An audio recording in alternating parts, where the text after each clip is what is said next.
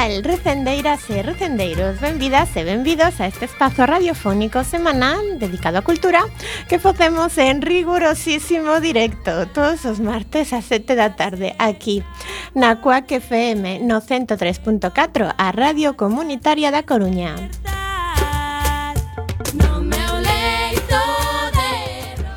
A Agrupación Cultural Alexandre Bóveda presenta este programa que podedes escoitar en directo a través da internet na páxina de emisora coacfm.org barra directo e tamén na aplicación móvil.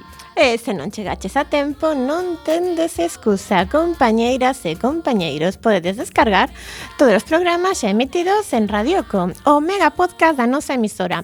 Ou tamén podes escoitalo na redifusión, que será os mércores ás 8 da mañá, os venres ás 18 horas e na madrugada do domingo ao luns ás 12 da noite. E a partir de agora seguídenos nas redes sociais tanto deste programa Recendo como da propia agrupación cultural Alexandre Bóveda, que teñen abertos os seus canais de Twitter e Facebook ou na web eh, triple eh, www.acalexandrebóveda.gal. Sempre está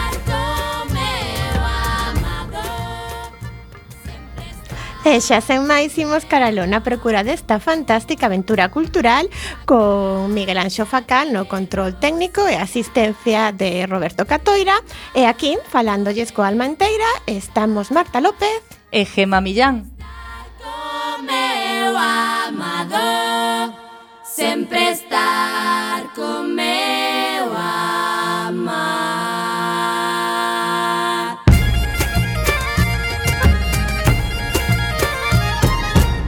Programa número 323. O programa de hoxe é un especial telefónico sobre novela negra en galego.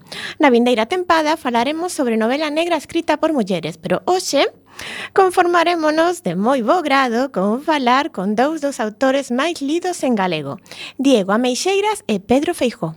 Así que excepcionalmente non teremos ningunha sección a gasa de poesía galega de Gema Millán.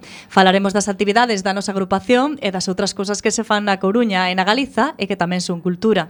A música de hoxe. Nas obras de novela negra é moi habitual moverse por sórdidos ambientes nocturnos nos que destacan os clubes de jazz. Parecenos unha magnífica excusa para escoitar a un dos nosos mellores grupos de jazz galegos, chamado Tres Azoteas, e que no ano 2011 editou un disco titulado A Priori. Presentamos a primeira peza de hoxe, titulada Turismo no Planeta dos Simios.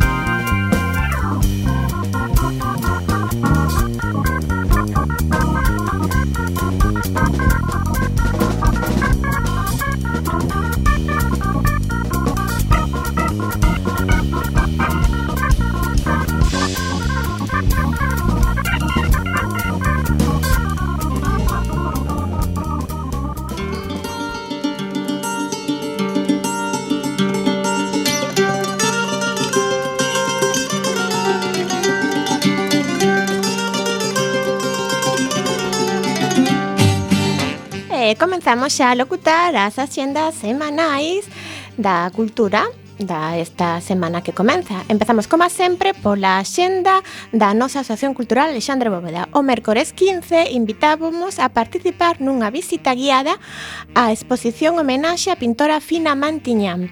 Estaremos guiados pola comisaria da exposición, Rosario Sarmiento. A exposición retrospectiva recolle 72 pezas das diferentes épocas da creadora, tanto en papel como tea e madeira. Fina Mantiñán, ao igual que outras compañeras, maneira sufriu esa discriminación pola cal as mulleres nunca foron valoradas na mesma medida que os artistas masculinos. Será a sete da tarde no quiosco Alfonso. Se desexas asistir a esta visita, só tes que enviar un formulario cos teus datos que están na nosa web. E o mércores 29, homenaxe a Xavier do Campo co acto titulado Na voz da amizade, presentado por Yolanda Castaño, grande amiga de Xavier. Serán os amigos e amigas os que aquí terán a palabra desde Paco Martín e Xavier Senín, dende Fina Casa del Rei a Suso de Toro, Alfonso García San Martín, Chus Fernández, Paula Carballeira, Manuel Bragado, Xosé Manuel Pereiro, María Canosa, etc. O audiovisual, a súa voz e a súa imaxe na terra e fora dela sempre traballando pola lingua, o ensino e a cultura deste país. A música na voz de Miro Casabella será ás 20.30 horas no Teatro Rosalía de Castro.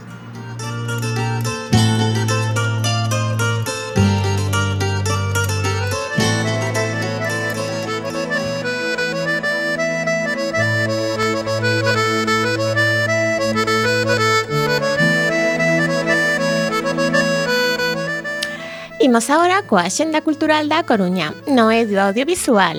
Empecipiamos cando Zanko Petrov, un traballador do ferrocarril atopa un millón de levs nas vías do tren, decide devolver a totalidade do importe á policía.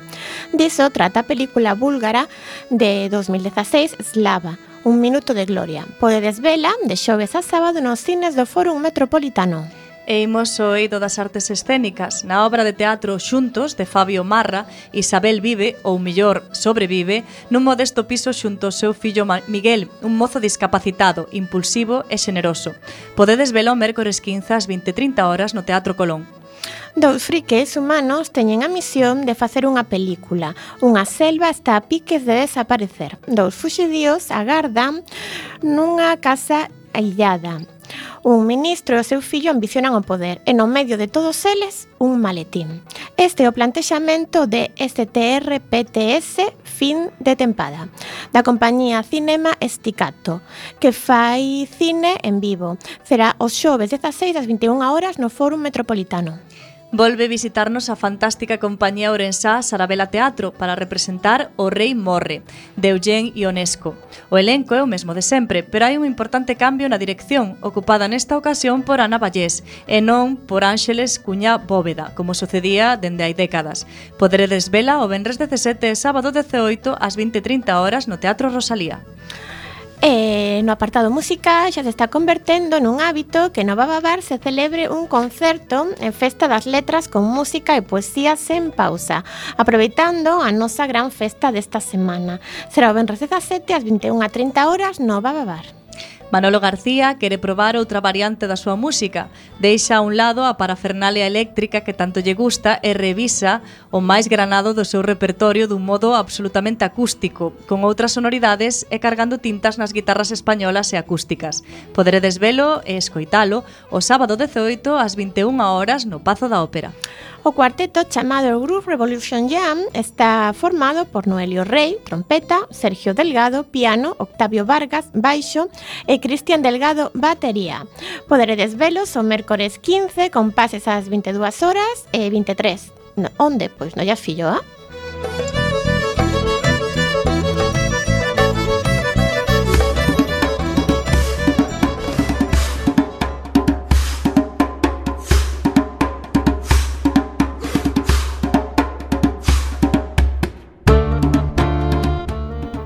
E a quenda da Xenda de Galiza empezamos, como sempre, por Lugo. Airiños da Freba é unha asociación cultural dedicada ao estudio, recolleita, investigación e divulgación da música tradicional da provincia de Lugo. E o sexteto do mesmo nome é un dos froitos deste traballo. A súa proposta, unha divertida viaxe musical pola provincia, principalmente polos anos 30, 40 e 50 do século pasado, cando diversos conxuntos xa incorporaban outros instrumentos de vento xunto coa gaita para amenizar as festas. Volvemos á Rúa do dos Paxariños 23 o Clavicémbalo, pasado mañá xoves 16, un pouco tarde, ás 23.30. E pegamos un chimpo a Ourense. O Festival Internacional Pitziense comeza o próximo luns, día 20, en varios lugares da vila e de Galicia. E vai desenvolverse de maneira sincronizada en 24 países a nivel mundial. Investigadores punteiros están listos para compartir os seus coñecementos con vos nun ambiente relaxado e distendido, o bar. Un dos lugares de encontro vai ser o Moucho, na Rúa da Concordia 17, con dous actos o mesmo luns. E imos a Pontevedra, o 14º encontro de palilleiras terá lugar na Ponte das Letras Galegas e durará tres días, aínda que o grande será como sempre o domingo. Contará cunha mostra homenaxe ao pintor Luis Seoane, con 17 pezas feitas, combinando encaixe contemporáneo e tradicional. Están inscritas máis de 1.250 palilleiras, mesmo estranxeiras. Destaca a organización de 4 cursos os días 17 e 18, cunha duración de 8 horas cada un en horario de mañá e tarde. Inscripcións e, e información nos cursos en fieitina.gmail.com E viaxamos agora ata Ferrol. A rabia ou silencio dá nome a un traballo de ses composto por unha escolma de cancións populares, folclóricas ou de autor, neste caso de autora, mais todas elas ligadas a un pobo do que mamaron e o que nutriron. María Xosé Silva Arcés propónnos desta volta un traballo acústico máis íntimo e directo do que nos ten afeitos para traer a Galicia do século XXI xoias musicais que na pasada centuria chegaron de ultramar. Cuba, Argentina, Brasil, máis tamén de diferentes puntos da Península Ibérica, na voz de Carlos Puebla, Mercedes Sosa ou Feca Afonso. Estará no Teatro Jofre o domingo 19 ás 19 horas. E imos a Santiago, a cargo de Lisístrata, podemos atopar a historia máis máxica, lendas e contos populares que nos axuden a entender.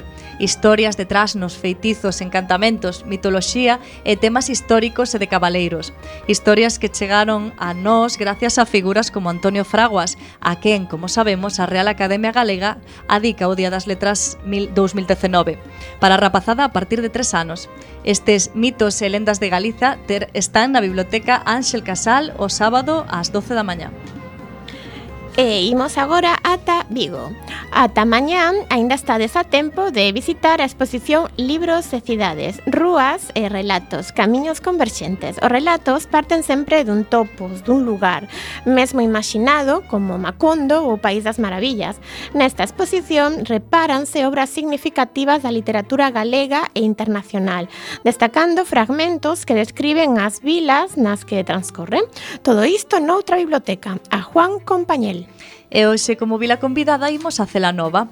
O núcleo medieval desta vila vive no Día das Letras Galegas un amplo abano de actividades nas que se exaltan as tradicións, como música e baile, oficios tradicionais, títeres e saltimbanquis, xogos e exposicións etnolóxicas, a diversidade gastronómica é latente. As antigas cortes, os xegaraxes ou baixos das casas acollen talleres nos que os artesáns traballan o seu oficio. Tamén tedes actuacións musicais, obradoiro de xogos populares, Curros Enríquez lembraba, Vila Nova dos Infantes, é vila de grande sona, nai zapateiros no mundo que batan millal, millola sola.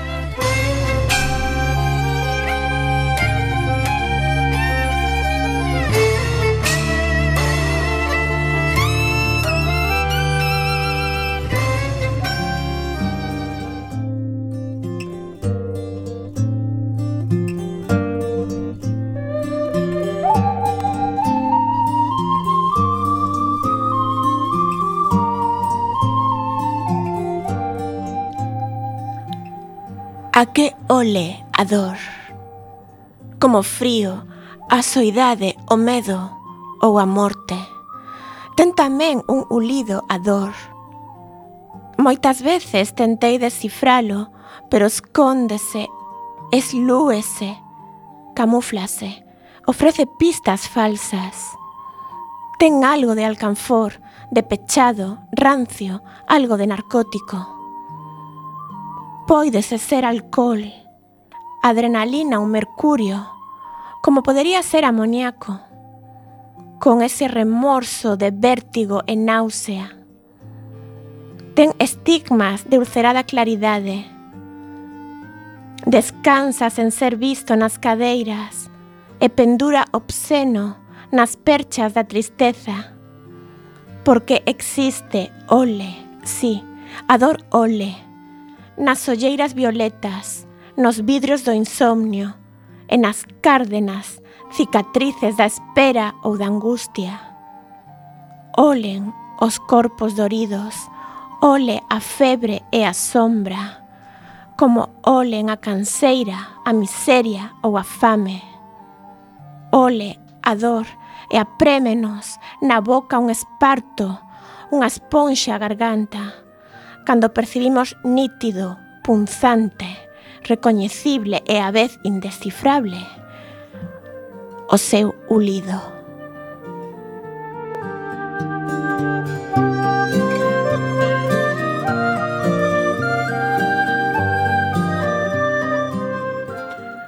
Acabades de escoitar o poema titulado Ulido da Dor de Xulio López Valcárcel, extraído do seu poemario A melancolía dos corpos, publicado no ano 2010.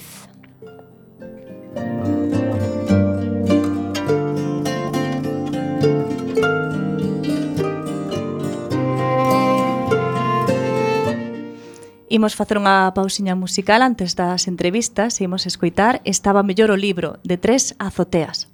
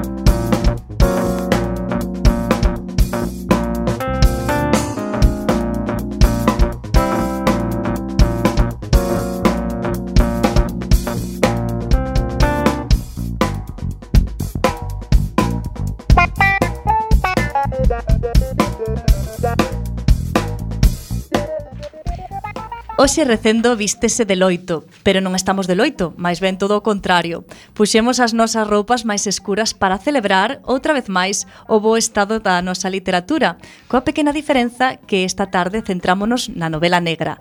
Este xénero en boga nos últimos anos no panorama internacional está dando moi boas alegrías para a xente que disfrutamos coa literatura escrita na nosa lingua.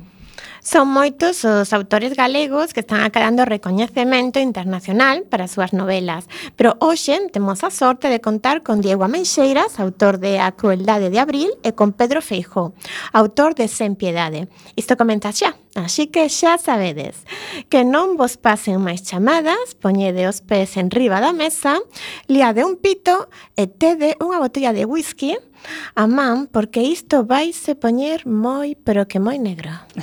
Pois imos con o noso primeiro convidado de hoxe, que é Diego Ameixeiras, nado en Suiza, Este primeiro convidado creouse en Ourense, cidade a que lle deu por chamar Oregón algunhas das súas novelas. El non é outro que o novelista, guionista e escritor, como xa dixemos, Diego Ameixeiras. Hai máis de 15 anos publicaba a súa primeira novela Baixo Mínimos, a que lle seguiu Cidadán do Mes. Ambas son parodias do Hal Boiled, xénero atribuído a Dashiell Hammett, autor americano de Meix que Ameixeiras traduciu ao galego. Concretamente foi Colleita Vermella. Diego Meixeiras creou o seu propio detective, o sagaz Horacio do Pico. As súas últimas novelas foron Conduce Rápido, coa que foi finalista do premio Hammet da Semana Negra de Xixón, E o ano pasado editouse A crueldade de abril, publicada por Xerais e a Cal. A obra de Meixeiras está traducida ao castelán, catalán, alemán e italiano. Unha mostra do talento do noso convidado tamén a puidemos disfrutar, disfrutar nos capítulos da popular serie Matalobos. Para contarnos máis sobre o que se coce en Oregón, temos xo connosco a Diego Meixeiras. Moi boas tardes, Diego. Hola, que tal? Boas tardes. Nos encantados de que estes aquí. Eu para, tamén. para comezar, que é a novela negra? Ui, esa é unha, esa é unha pregunta...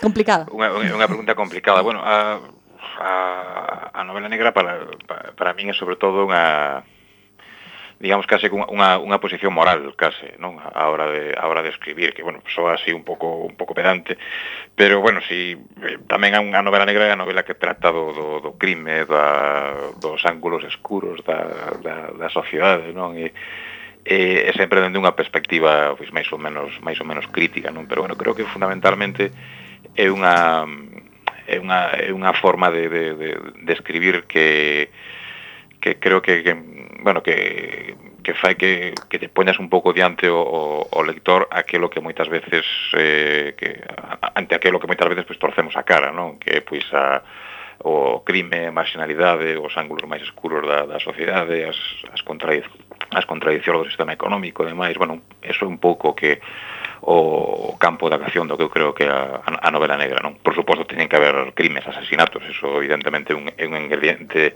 eh, común no xénero, non? E por que fixeches deste xénero o teu sinal de identidade? Eh, bueno, máis que un sinal de identidade empezou sendo o, o, o xénero que ocupaba a maior parte das miñas das miñas lecturas e ainda hoxe pois prácticamente case todo o que o que leo ten que ver dunha forma ou outra con, coa, coa novela negra, non? E empecé aí, bueno, pues un pouco como dicías na, cando me presentabas, pues, eh, falabas das miñas primeiras novelas, que son un pouco paródicas, era unha época na que eu, pues, era un, un escritor aínda aínda en formación, que, bueno, que, que o sea, todo o mundo está formándose toda a vida, non? Pero, bueno, naquele momento eu, pues, estaba coñecendo aínda, pois, os grandes clásicos do xénero, e, e bueno, quedei bastante eh, sorprendido e, e, de, e moi, moi impactado bueno, pues por aquelas primeiras novelas de Dashiell Hammett ou de Raymond Chandler que lin, que linda que eras, non? Entón, bueno, pues un pouco intentei eh, parecerme aqueles mestres e aquelas novelas que, que comecei a ler cando tiña 18 ou 19 anos, non? Uh -huh. E cales son as principais diferencias creativas cando un ten que escribir unha novela de xénero respecto a escribir unha non adscrita a ningún xénero? Pois a verdade é que non sabría dicirche, porque non, non escribo tampouco consciente de estar eh, escribindo unha novela eh, unha, unha, unha novela de xénero, non? Supoño que a, os, os colegas que escriben pois eh, tipo de novela máis eh, máis policial ou máis enigma, no, que teñen pois que que crear pois un, un misterio e unha intriga, un, un digamos unha serie de sorpresas determinadas, bueno, pois sabes que aí teñen que que cinguirse máis ou menos pois a un a un patrón que inclúa pois, unha serie de, de, de, de sorpresas, de, de, de xiros na historia non dentro dese, dese modelo que o, que o misterio, que o enigma, non é como escribo máis novela criminal, máis novela negra, pois realmente non, non, non creo que, o sea, non, non me poño a escribir consciente de, de que teña que diferenciarme de alguén que está escribindo unha novela que non, que non se escriba un xénero determinado, non? De feito, creo que unha novela como A crueldade de abril é unha, é unha novela negra, pero creo que que que non, que, que non está escrita tampouco pois, coa, coa, coa idea de, de, de, de, de plantear ao lector un gran enigma, non? Así que é unha historia de vinganza na que hai que descubrir algo, pero realmente non é unha, non é unha gran novela de misterio, por decirlo dunha maneira, non? Entón, non, non, non non me poño a escribir consciente de que teña que diferenciarme de outro tipo de, de, de, de escritoras que escriben outras outras novelas, non? Moi boa tarde, Diego. Boa tarde. Falamos un poquinho máis da crueldade de abril. Bueno, é unha novela xa de hai un ano que, que publiquei en pois hai, no, no, no mes de abril precisamente do, do, do ano pasado. Bueno, é unha historia de é fundamentalmente unha historia, unha historia de vinganza e unha historia tamén de eh, bueno, dun personaxe que protagonista un pouco en ausencia porque realmente é un, é un, é un personaxe Elvira que, que está morto dentro das primeiras páxinas e é unha, é unha rapaza de 18 20 anos que é unha especie de, de poeta maldita que, bueno, que, que está un pouco perdida polas rúas dunha cidade sen nome, pero bueno, que máis ou menos é identificable con, con Ourense, ainda que non dou demasiados datos. E unha historia sobre, sobre a vinganza que acomete o seu, o seu irmán cando descobre que detrás da súa morte pois, ou algo máis que un incendio, non? Ela pois, aparece morta nunha casa ocupa, abandonada, eh, en un momento determinado pues, o seu irmán descubre algo que, que lle fai sospeitar que aquilo que aquelas conclusións que chegou a policía pois non foron as axeitadas e a partir de aí pois idea unha, unha vinganza non? É unha historia creo que bastante bastante dura é unha historia que ten que ver creo que sobre todo pois coa, coa marginalidade coa xente que sinalamos moitas veces eh, co dedo polo simple feito de, de, de, ser, de ser diferentes ou de ter un, un pé fora da, deso, deso concepto tan eh, tan repugnante que é a normalidade ou a xente normal, non? Eso que moitas veces din os políticos, non? A xente normal, a xente con sentido común, bueno, pois a maioría dos personaxes desta novela están fora desa, desa categoría e interesábame, pois, bueno, meterme un pouco a fondo nesas, nesas profundidades da, da, da marginalidade e tamén da violencia. Creo que é unha historia moi, moi, moi violenta, dunha violencia aparentemente gratuita, ainda que despois ao final ten unha, ten unha explicación social e unha, e unha explicación económica, non? Pero bueno, creo creo que das miñas novelas probablemente sexa a máis a máis escura e a máis pesimista, non? Uh -huh. E Galicia é un territorio fértil para a novela negra, que pensas ti? Bueno, creo que sí, creo que de que bueno, territorio como eh, como a calquera outro para este tipo de, de, de novelas, e que é certo que dende os dende principios dos, eh, dos 80 empezou a crearse bueno, pues unha, unha pequena tradición, pues, chamado de algún xeito de autores, eh, na súa maioría homes, algunha pequena excepción de algunha autora que en algún momento determinado publica unha novela, pero é moi moi pequeno. Eh, pois pues hai unha serie de, de, de escritores que que comezan a, bueno, a escribir dentro do que o máis máis que xénero negro, máis policial, non? Sobre todo a partir da de Crimen Compostela, que a, a, aquela novela de Carlos Reigosa que inaugura un pouco oficialmente o xénero. E a partir de aí, bueno, pues eu creo que van unha serie de escritores detrás que empezan un pouco pues imitando o modelo norteamericano, que é algo que fixeron tamén os escritores en castelán durante durante os primeiros anos da transición, pero despois, bueno, pues vaise descubrindo realmente pues que eh, se poden eh, incorporar o, o xénero pois a, a, a realidades política, social ou económica que tes, que tes diante, non? Entón aí cando empezan a aparecer as primeiras novelas sobre o narcotráfico, sobre, bueno, sobre realidades que temos un pouco máis diante dos ollos que non teñen que ver sempre pois co clásico detective máis norteamericano e todas esas cousas, non? Entón, bueno, creo que sí que nos últimos anos pois algúns autores, non moitos, pois nos eh, traballamos dentro dese dentro dese xénero, non? Do que se chama negro, eh, policial, bueno, ainda que son categorías eh, diferentes, non? Pero, bueno, Galicia como sociedade, como realidade política, social e económica, pois é bastante negra, non? Só hai que ver pois as, as conexións que coñecimos no seu momento entre o narcotráfico e o poder, as, as, as corrupcións típicas que existen nas altas esferas da política, etc. etc no? E retomando un pouco o comentario que fixeches ao principio do consto de que eh, mm, das poucas autorías que hai como mm, escritoras, mulleres sí. de novela negra, sí. que pensas ti desto? Pensas que, no, porque nos aquí preparando, xa che adianto, que preparando a entrevista tivemos un pequeno debate. Ti pensas sí. que a novela negra é un, un xénero fundamentalmente masculino? O sea, como escritor e como, eh, como lector, eh? Interesame eh, a tua opinión. Eh, eh, a ver, sí, claro, é un xénero evidentemente masculino como todos os xéneros, o sea, como, como, como toda a literatura ata hai poucos anos, é dicir, as mulleres en, en todos os ámbitos da vida e no, no da cultura, por suposto, e no da novela negra ainda máis, pois, pues, eh, sempre estiveron aí a, aí a amarse, no? hai, hai un exemplo moi característico que o, o, o caso de, de Margaret Miller, que é unha, unha grandísima escritora de, de, de novela negra, sí. oculta precisamente pues, por ser a muller de Ross MacDonald, que foi o, o creador de, de, de de dun dos grandes detectives da historia da, da novela negra, non? De, de Lew Archer. E ela sempre estivo a sombra, pois, por o simple feito de ser, de ser muller, e é moito mellor escritora que o seu marido, por lo menos a min gusta bastante máis, non? Bueno, foi un xénero que creo que sí, que sempre utilizou eh, modelos moi moi moi masculinos, os personaxes mas, eh, femeninos clásicos da novela negra fundamentalmente son fem, a típica fem fatal, que o que se dedica fundamentalmente a, a, a pois a explotar o seu atractivo sexual e a, e a enganar o, o personaxe masculino. Ou son bueno, evidentemente víctimas, non? Tamén. Eh, tamén, por suposto, sí, pero bueno, eh, eh, home, ese, ese modelo creo que se foi correxindo un pouco nos últimos anos, non? E tamén se foron incorporando tamén autoras o autoras o xénero, non? Así que é verdade que eh, seguen sendo unha, unha unha, unha minoría, non? Pero bueno, creo que a porcentaxe se foi, se foi igualando bastante nos últimos anos, pero sí que o xénero cando comeza é un xénero eh, vamos, predominantemente predominante masculino e sobre todo cunha visión tamén moi moi moi masculina das relacións sociais, é dicir, bueno, o propio o propio personaxe eh, clásico da, da novela negra que é o detective, pois é un personaxe eh, masculino solitario, unha especie de de, de, de, de Quixote que vai pois por aí arranxando uh -huh. problemas e que ten que ver moito con, con unha mentalidade moi moi moi masculina, non? E bueno, e un pouco referente a, referido a Galicia, sí que se incorporaron autoras últimamente o xénero negro. Estes días acaba de sair unha novela, por exemplo, de de Arancha Portavales en, en Galaxia que se titula eh, a, a Rainha Vermella, creo que ou, ou, ou algo así, non recordo exactamente o título. É dicir, bueno, hai unha hai digamos unha, unha porcentaxe agora máis razonable entre homens e mulleres en, en, en todos os ámbitos da cultura e na novela negra tamén, claro. Uh -huh. E a experiencia que podes ti, supoño que en feiras, isto que tes, que tes contacto cos lectores e cas lectoras, tamén pensas que cos teus lectores, eh, mm, a ver, que unha novela tamén para, o, escrita de homes para homes, ou pensas que non?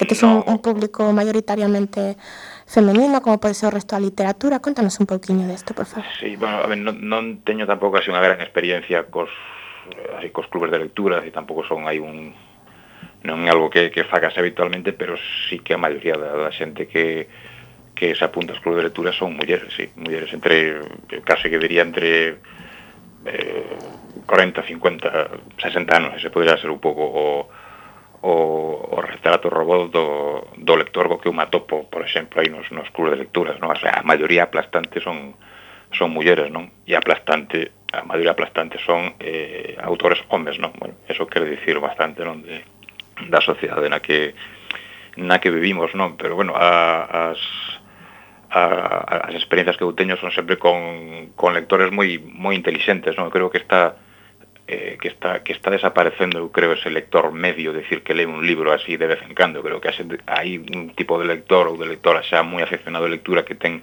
eu creo unha, unha dinámica moi moi activa co, co libro, que lee todos os días e que despois hai un gran valeiro de xente que non ten ningún tipo de contacto co, co libro, non? Xa non hai e creo que xa non hai esa, bueno, esa, ese costume que tiña algunha xente de ler así de vez en cando, non? Creo que hai xente que vive para os libros e foi xente que non ten ningún tipo de contacto coa, coa literatura, non? E eu cos lectores cos que me atopo son xente, a verdade, que a veces me sorprende eu, co, polo, polo, polo nivel das súas lecturas e dos seus comentarios xa non só sobre as miñas obras, senón sobre, sobre a literatura en xeral, non?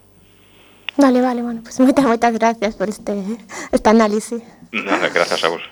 Eh, por que crees que a novela negra pasou de ser un xénero despreciado pola crítica a ser un, un ben valorado? Bueno, eso de que pasou eu creo que ainda segue sendo despreciado por algún crítico moi despistado que, que sigue pensando que eh, que, que, a, que a literatura pues, eh, debe eh, non, non, non debe estar ambientada en nestes escenarios terribles a veces non que ocupa a novela negra ou críticos despistados ou mal informados que creen que a novela negra se identifica exclusivamente co, co bestseller non? Eh, creo que sí que nos últimos anos se foi cambiando un pouco esa, esa, esa percepción pero que aínda, polo menos en, en España e en Galicia creo que ainda hai moito camiño por andar eh, se comparamos con Francia, por exemplo, non? onde un, un escritor de novela negra ou un debuxante de cómic é unha persona co mesmo prestixio que un poeta, por decirlo ou da maneira, ou que un, ou que un novelista que non se adscriba un xénero determinado, non cousa que que en España ou na cultura galega non, non se entende, non? É dicir, o cómic segue sendo unha cousa de segunda división e os escritores de novela negra, pois, pues, unha especie de, de escritores aos que a veces se lanzan miradas un pouco condescendentes porque, bueno, son escritores que sempre están, parece que buscando o público ou repetindo fórmulas reiterativamente, non? Eu creo que eso demostra unha certa unha certa ignorancia non sobre o xénero, pero bueno, sí que cambiou a situación nos últimos anos. En España o primeiro que conseguiu cambiar de alguna maneira foi Montalbán, xa a finais dos 70, cando que foi o primeiro que conseguiu que os críticos literarios pois lesen novelas eh, detectivescas, no seu caso as novelas de, de Pepe Carballo, no? e nos últimos anos tamén, bueno, pois creo que haxa que o feito de que moitos autores de, de novela negra pois recibesen algúns tipos de premio máis ou menos prestixiosos, pois tamén despertou a curiosidade de algúns críticos que francamente pois non tiñan ni idea de quen era Jim Thompson ou David Goodies ou Chester Himes ata aí pouco, non? cando son clásicos da novela negra que calquera lector do xénero coñece porque son escritores dos anos 40, dos anos 50, non? Pero bueno, a situación cambiou, pero xa la cambie máis, non? Para que realmente pois, non existan ese tipo de de, de, diferenza, de diferenciacións ou de xerarquías culturais absurdas. Non? E Diego, na introducción fala, eh, falamos de hard boiled, non sei se o pronuncio ben. Sí, sí, sí. sí. que exactamente? Bueno, é un tipo de novela que, eh, bueno, un tipo de relato que se empezou a escribir en Estados Unidos nos anos, nos anos 20, que surdiu nunha, nunha revista eh, que se chamaba Black Mask, que era unha, bueno, unha revista na que se publicaban relatos de eran relatos moi violentos para a época, non? Quizás hoxe en día pues, non nos parecerían tan, tan violentos, incluso nos poderían parecer eh, ata, ata nos poderían parecer un pouco cándidos, non? Un pouco inocentes pero eran un tipo de, de relatos que facían un retrato da sociedade norteamericana moi violenta, non? Na que ás veces pues, se glorificaban un pouco os gánsteros, nas que os detectives pues, eran personaxes eh, que, bueno, que aplicaban a lei eh, dunha forma un tanto peculiar, é dicir, a través dos puños ou do uso das armas, non? É dicir, bueno, esa, eh, esa, ese tipo de, de, de historias onde quen manda fundamentalmente a, e a, a violencia, a acción, unha descripción con frases curtas en moitos artificios literarios, non? Eran un tipo de historias que eh, escribían, bueno, se publicaban en papel barato, e que ocupaban pois as horas de lecer da xente, non? Daquela pois non, non había internet, non había televisión, pois o, o tempo de lecer da xente ocupaba fundamentalmente lendo este tipo de historias, non? Diego, pois... Pues... Dashiell Hammett foi, foi o primeiro que colleu ese, ese xénero e o levou á categoría máis máis literaria, non? Porque aqueles relatos de Herboile primeiros pois solamente non eran uns relatos que tivesen unha, unha gran calidade, non? Diego, nos estamos quedando sin tempo, eh, esta é a radio, xa sabes, nos estaríamos toda hora falando contigo. Nada, pois, foi, eh, foi un placer escoitarte, eh, bueno, desde aquí recomendamos que lean as túas novelas, desde logo. Bueno, unha pues, aperta. Moitas gracias a vos, unha aperta. Unha aperta. Unha aperta. E agora imos disfrutar con outra canción de Tres Azoteas. Neste caso, o tema titúlase Iria. Iria.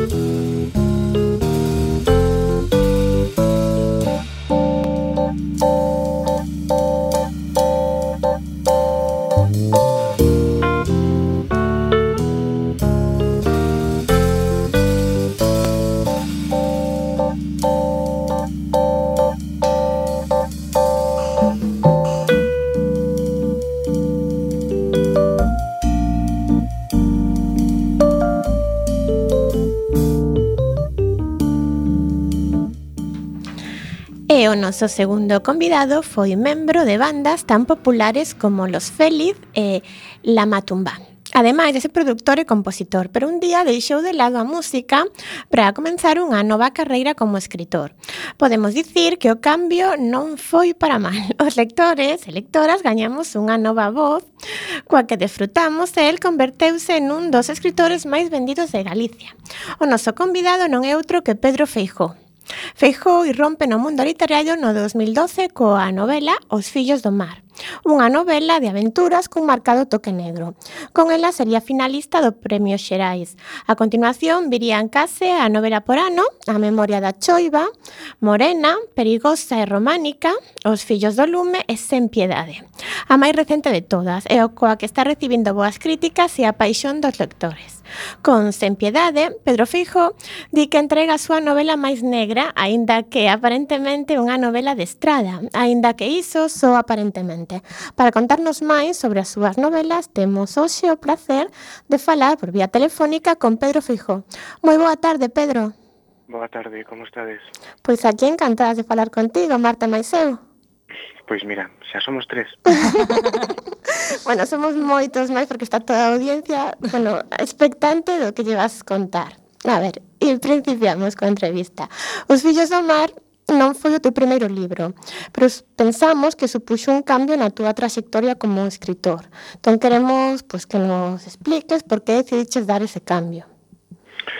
Bueno, A ver, en realidade, eh, isto xa teño contado moitas veces, eh, eh, non, non é, para min non foi un cambio tan tan marcado. Eu, eu entendo que, claro, visto que lo repetimos fora... moito, locutores. No, no, no, no, no, no, no, por favor, no, no, que non, eh, non, non quería dicir iso, referíame a que eh, igual visto desde fora, uh -huh. sí que dá a sensación de que, claro, cambias por completo o formato, eh, eu efectivamente traballei moitos anos como músico, ademais tive a sorte de tocar moitísimo, Estou seguro de que mal que ven, uns ou outros todos nos viron nalgúna ocasión e, e claro, eh, é moi difícil eh, imaginar certo paralelismo entre un tipo que está aí dando saltos no escenario e logo un autor que che conta unha historia polas noites, non?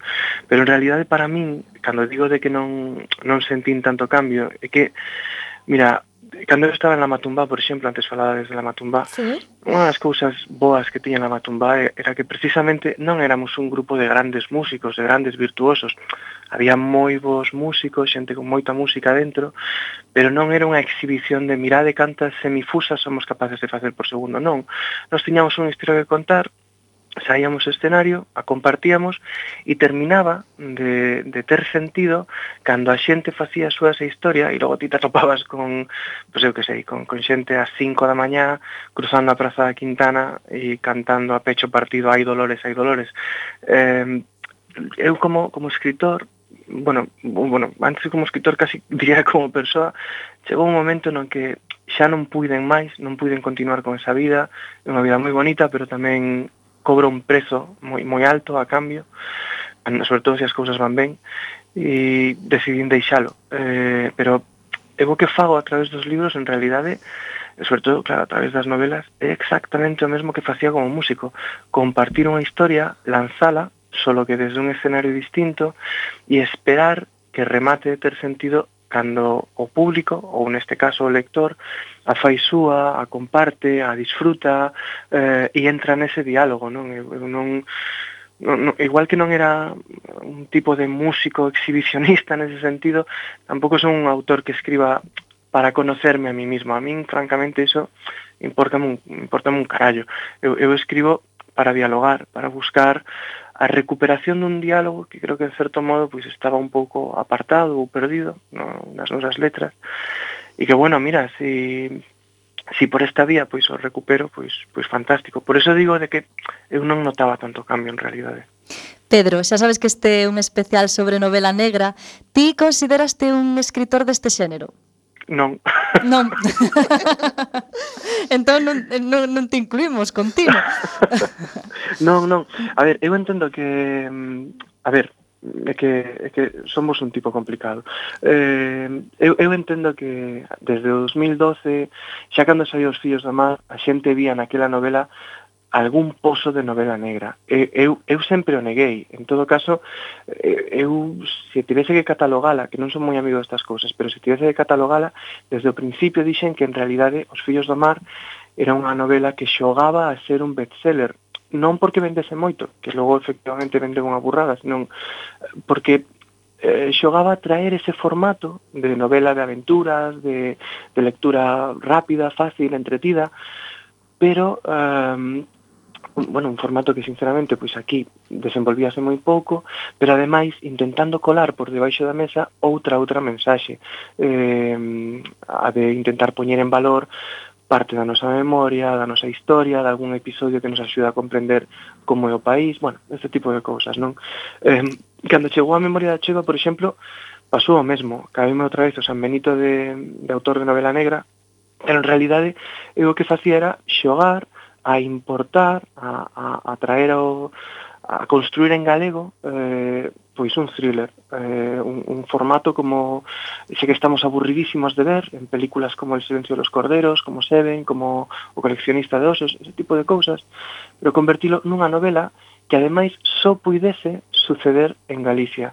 E por debaixo da mesa outra vez, a mi intención era a de, grazas ao formato do thriller, ou mediante o formato do thriller, eh, pois chamar a atención sobre a manipulación do noso espazo cultural.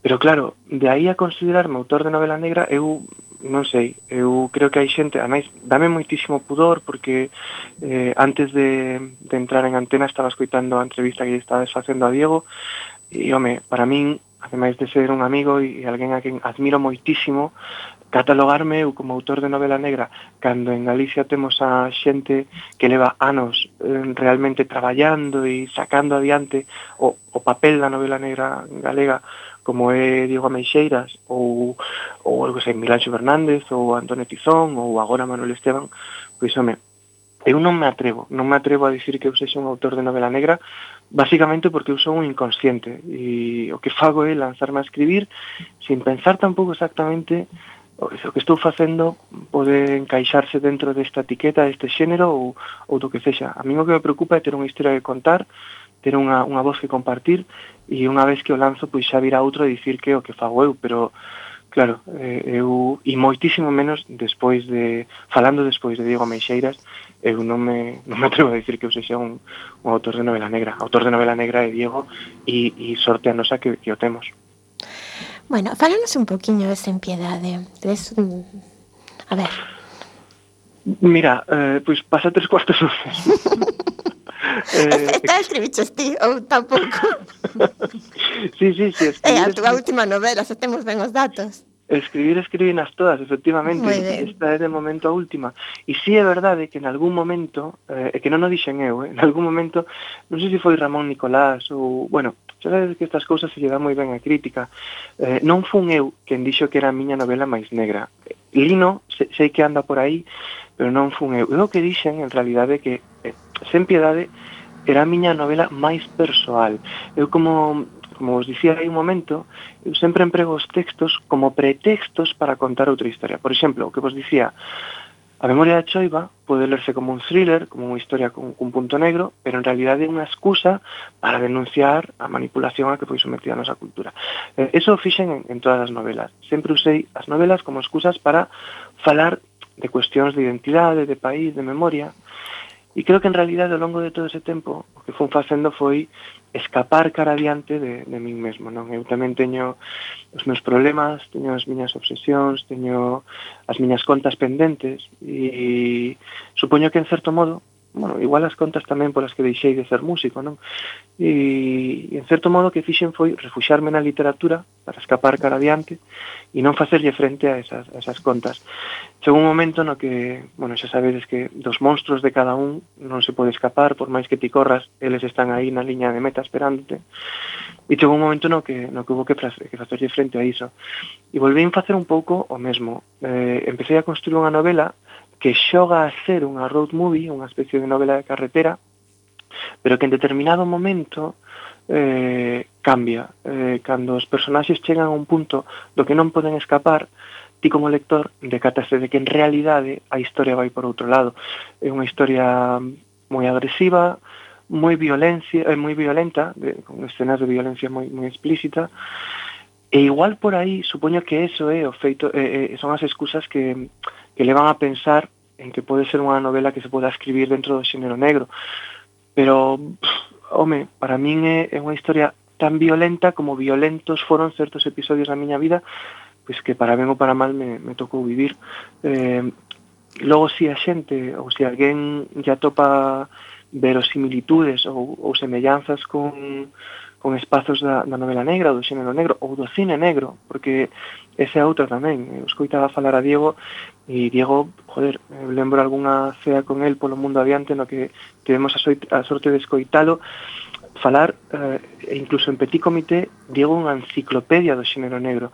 Eh, eu, sin embargo, estou moito máis exposto ao cine negro. Ah, e claro, esas son as referencias que se me colan moitísimas veces recoñezo que están os fillos da mar, que están en, incluso en os fillos do lume, a memoria da choiva, e incluso en Morena perigosa románica, que é unha comedia que, se me preguntades, eu creo que esa é a, a, a miña novela máis negra, porque en realidade é unha comedia que xoga a parodiar o xénero negro. Pero máis ala diso, tampouco vos podo dicir.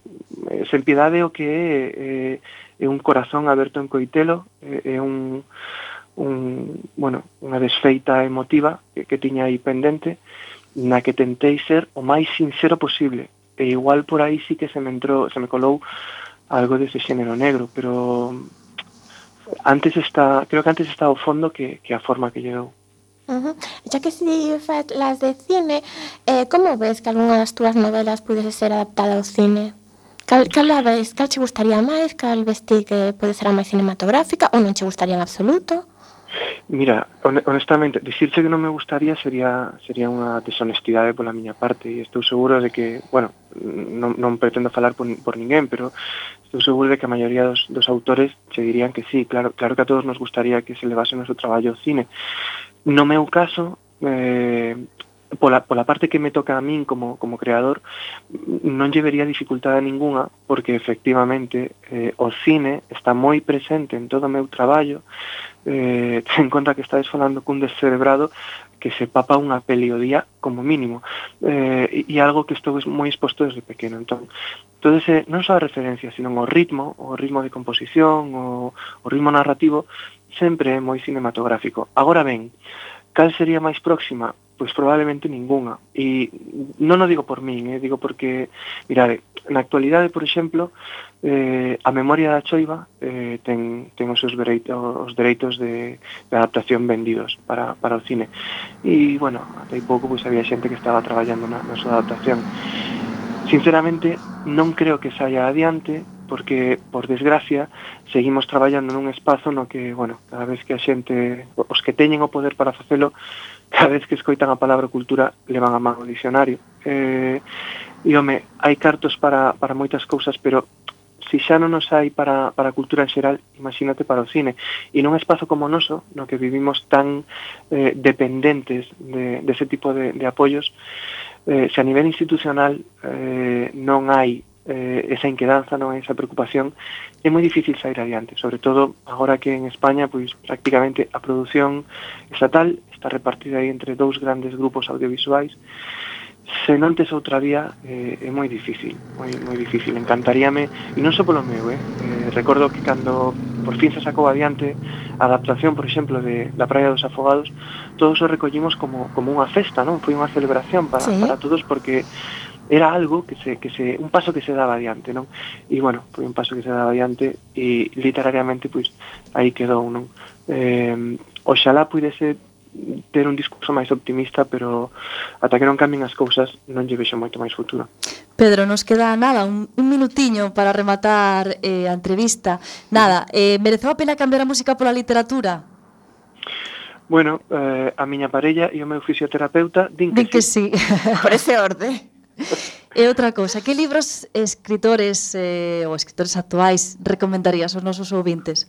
Mirade, sin lugar a dúbidas, eh, e intentaré ser moi breve con isto, eh, prácticamente todo o que mencionou Diego antes, o, o segundo, pero se tivese que recomendar un eh, que a mí me ten absolutamente obsesionado e é un autor co que respiro permanentemente, eh, e además é un autor de novela negra fantástico, é eh, o francés Pierre Lemaitre. Eh, Lemaitre é o, é o responsable, bueno, ten unha serie de títulos fantásticos, eh, nos vemos aí arriba, de Tres días e unha vida, pero ten unha, eh, un, un, unha pequena colección de novela negra que é a serie Verhoeven, protagonizada polo, polo comisario Camil, eh, perdón, polo inspector Camil Verhoeven, onde está Irene eh, vestido, non, perdón, vestido de novia, non, Irene, Alex, eh, Rosy, John e Camil, estes son os, os catro títulos, que a mí me parecen do mellor que Lin en, en moitísimos anos. Eh, agora sei que hai, hai algunha traducción ao galego, pois alguén o quere ler en galego, non sei se... Si é... Sí, pero como está, por eso de que estamos na semana das letras, sabes, e tal. Eu creo que creo, creo que Rinoceronte ten algo algo traducido. Eh, pero bueno, mm, sexa como sexa, de verdade que é un autor que eu recomendo mm, unha e, e mil veces, porque mm. é, é capaz de, de contarvos igual a mesma historia de sempre, pero dunha, dunha maneira que en ningún momento se vos tería pasado pola cabeza. E para min eso está se convertendo xa nunha especie de, de teima persoal. Pois nós recomendamos a nosa audiencia que lean textos de Pedro Fijo. que te parece? Home, pareceme redondo. para rematar está moi ben, verdade? É unha pena que se nos acaba o tempo. Pedro, unha aperta moi forte. Nada, que me enrollo moito. Non, poño no, no, me encantaba de escoitarte, pero que a radio é así. Nada, un, un placer e moitísimas grazas por, por contar comigo. Pois moitísimas gracias a ti. Eh, e xa sen tempo para máis odiseas imos chegando a fin do camiño deste recendo. Despedimos o programa de hoxe, agradecendo aos nosos convidados que, como sempre, foron de honra. Recordamos que hoxe estivemos a falar en vía telefónica cos afamados escritores Diego Ameixeira e Pedro Feijón. E agradecendo a semente pedra angular de todo o noso comando e equipo de producción formado por Javier Pereira, Gema Millán, Manu Castiñeira e Roberto Catoira. E aquí estivemos eh, Miguel Anxo Facal nos controis, supervisado, como non, por Roberto Catoira, e co alento no micrófono, Gema Millán e Marta López.